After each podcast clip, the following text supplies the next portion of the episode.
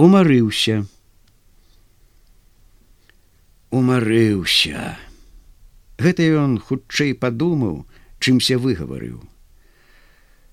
Ой умарыўся кожная частка яго змучанага працаю цела паўтарала гэтае слово досыць было глянуць на яго мутныя затуманеныя вочы на яго сагнутую як бы пополам перабітую паясніцу на яго павольныя рухі. Досыць было пачуць яго цяжкія стогны і кожны мог здагадацца што чалавек умарыўся. Умарыўся. Тут ужо яму самому здалося што крыкнуў на ўсё поле. Ён выгаварыў гэтае слово глуха хрыпла хворым старэчым голасам закашляў і глыбей урэзаўшыся сахой у зямлю спыніў коня сам адышоў на мяжу сеў на крушні зірнуў на вялікі абшар перад сабою і задумаўся. Сядзеў доўга годзе сказаў ён самому сабе. Няма чаго валаводы валаводзіць магу сказаць годзе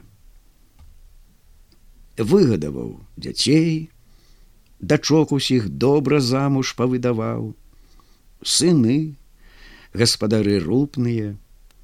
І баяцца мяне яшчэ цяперака як дзеці малыя.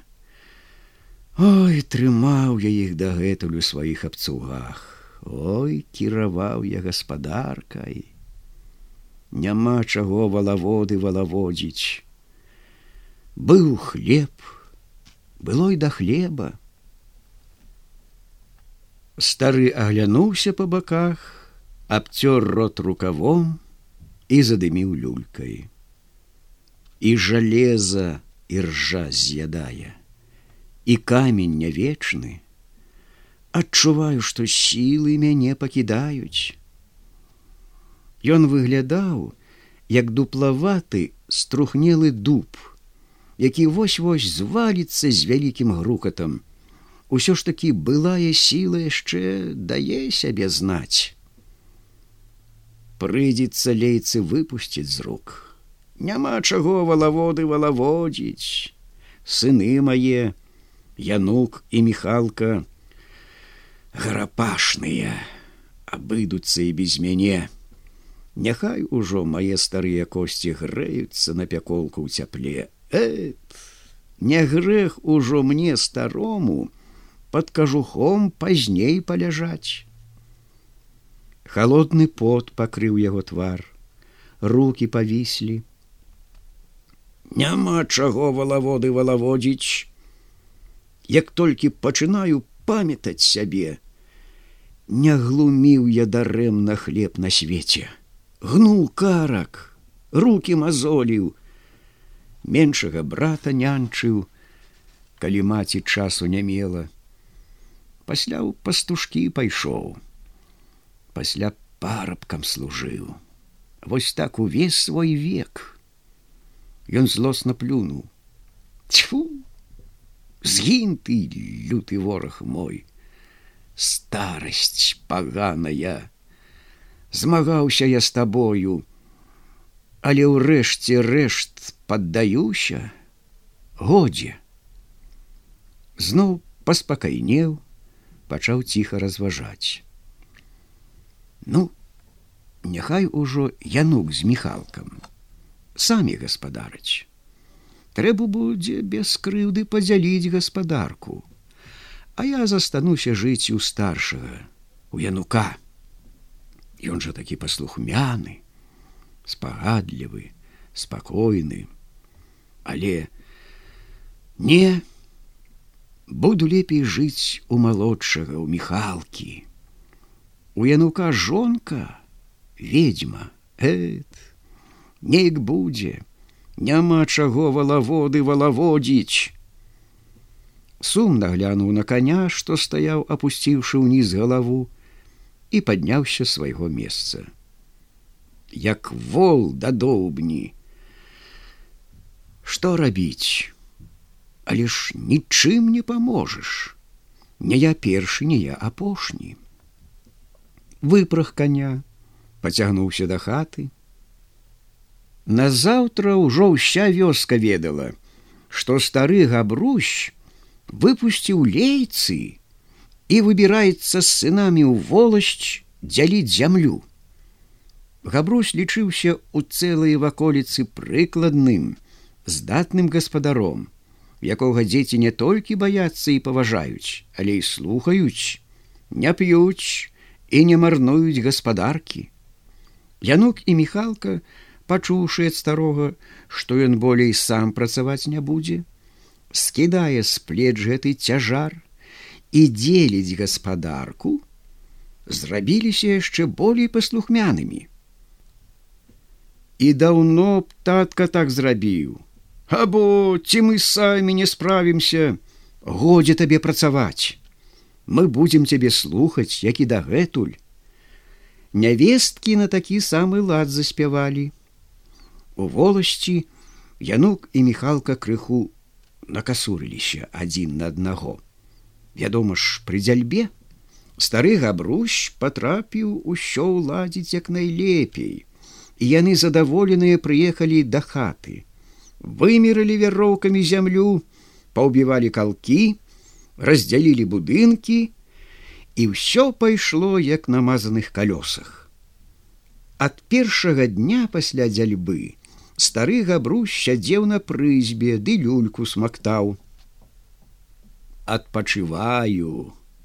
Першы раз за гэтулькі гадоў працы. Ой Ой, як добра! Казаў ён, адчуўшы лёгкасць у касцях. Адпачываю, тлумачу ён суседзям, няма чаго валаводы валаводзіць. За плячыма сыноў магу цяпер адсапнуцца. Але стары габрусь, усё жыццё прывыкшы тупацца, не мог доўга высидзець без работы. Ну да напала. Не няможна гэтак тлумачыў ён сам сабе. На адпачынак яшчэ хопіць часу. Уга! У магіле чалавек адпачывае незлічоныя гады. Бясконца спіць. Жывому ж чалавеку трэ нешта рабіць. Вядома не пайду я за сахой на выперадкі з сынамі. Не стану пракосы ганяць з імі ў перагонкі. Ну, але баранаваць, сена грэбці, гэта рука маім толькі на здароўе пойдзе. І стары габрусь зноў узяўся за работу, павесялеў, павесялелі разам з ім і яго сын янук з жонкай. Як бы там спачатку не сыпаліся абяцанкі цацанкі, што на старым бацьку і валасочка ніхто не зачэпіць, што старога бацьку на руках насіць будуць. Але ўсё ж такі хутка пачалі скардзіцца. Чалавек пальцам аб палец не ўдарыць. А калі што-небудзь робіць, дык як той верабей лапкай. Дармаед закралася таемная думка ў сына дармаед казала нявестка ці хутка па вёсцы стары нічога не робіць ды есть за пять маладых няма чаго валаводы валаводзіць старыўся роўна як малы. Падумаў габрусь як узяўся за тыя лёгкія работы што рабіў яшчэ хлапчуком. Сена грэбці баранаваць вяровачкі віць трушанку трасці і габрусь далей давай думаць. Выходзіць так. Чалавечае жыццё все роўна як адзін паварот каляса. Спіца знізу узнімаецца ў гору і зноў опускаецца ўніз. І квіта дядзька мікіта. Было і няма. Далей болей, і звыкся стары габрусь со сваім новым становішчам на адпачынку ў сыноў. Прывыклі дзеці, яны адчулі, што зрабіліся гаспадарамі. Хоць стары бацька яшчэ працаваў, як умеў, але яны пачалі пазіраць на яго, як на лішняга. Габрусь яшчэ спрабаваў так сяк адбрыкнуцца, але хутка спазнаў, што не туды заехаў. Сыны перасталі яго баяцца і паважаць, а нявесткі ў вочы дармаедам і гультаём называць. Прапала, пропала. Гэтак трэба. Відаць, іначай быць не можа. І пачалася шэрая, неспагадная, адзінокая старасць. Габрусь зноў адчуў, што змарыўся. Змарылася сэрца старое, змарыліся думкі. Старога габруся пачала ўгнятаць незаслужаная крыўда ад дзяцей.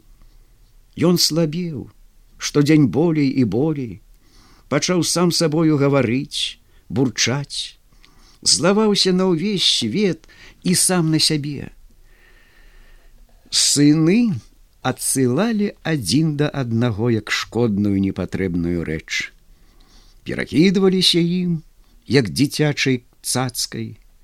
Колькі разоў прыходзілася яму чуць ад сваіх азвярэлых нявестак. Чаму стары гэткі жывушчы?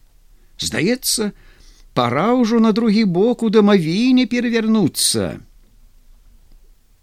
стары габрусь толькі трос лысай галавой.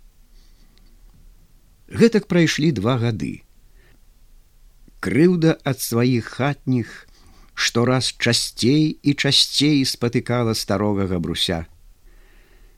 Не магу гэтак, не магу, гаварыў ён сам сабою. Няма чаго валаводы валаводзіць. Дажыўся. Усе ў хаце спалі, і ніхто не чуў, як дзед злез з печы, нацягнуў на ногі боты, світку, як насунуў вялікую зрэбную торбу на плечы, як узяў кій у руки, нешта пашаптаў на кут і выйшаў з хаты. Будь шчасліва хатачка моя родная. Кожнае бярвенца твоё хіліла мой крыш уніз состарылася ты разам са мной. Цябе яшчэ подправяць подбудуюць а мае старыя косці зараз зусім рассыплюцца будь шчасліў куточак мой мілы, дзе жыў я з малых дзён. Бывайце здаровы, неспагадныя дзеткі мае. Я пайду ад вас. Ой, змарыўся тут. Няма чаго валаводы валаводзіць. Мой сапраўды жыву доўга, як тая старадрэвіна. Калі гэтак, дык пайду жабраваць. Добрыя людзі будуць карміць, адзяваць і дазволіць хоць на адну ночку галаву старую прытуліць. Затое будзе спакайней на душы. Яны ж людзі чужыя, На іх крыўдзіцца не стану. Мутныя слёзы цяклі па яго твары. Ён адвярнуўся ў другі бок і пайшоў камяністай дарогай. Выціраў вочы цвёрдымі рукамі, з якіх старадаўнія мазалі і не думалі сысці, да самых касцей уеліся. Цемра глынула яго.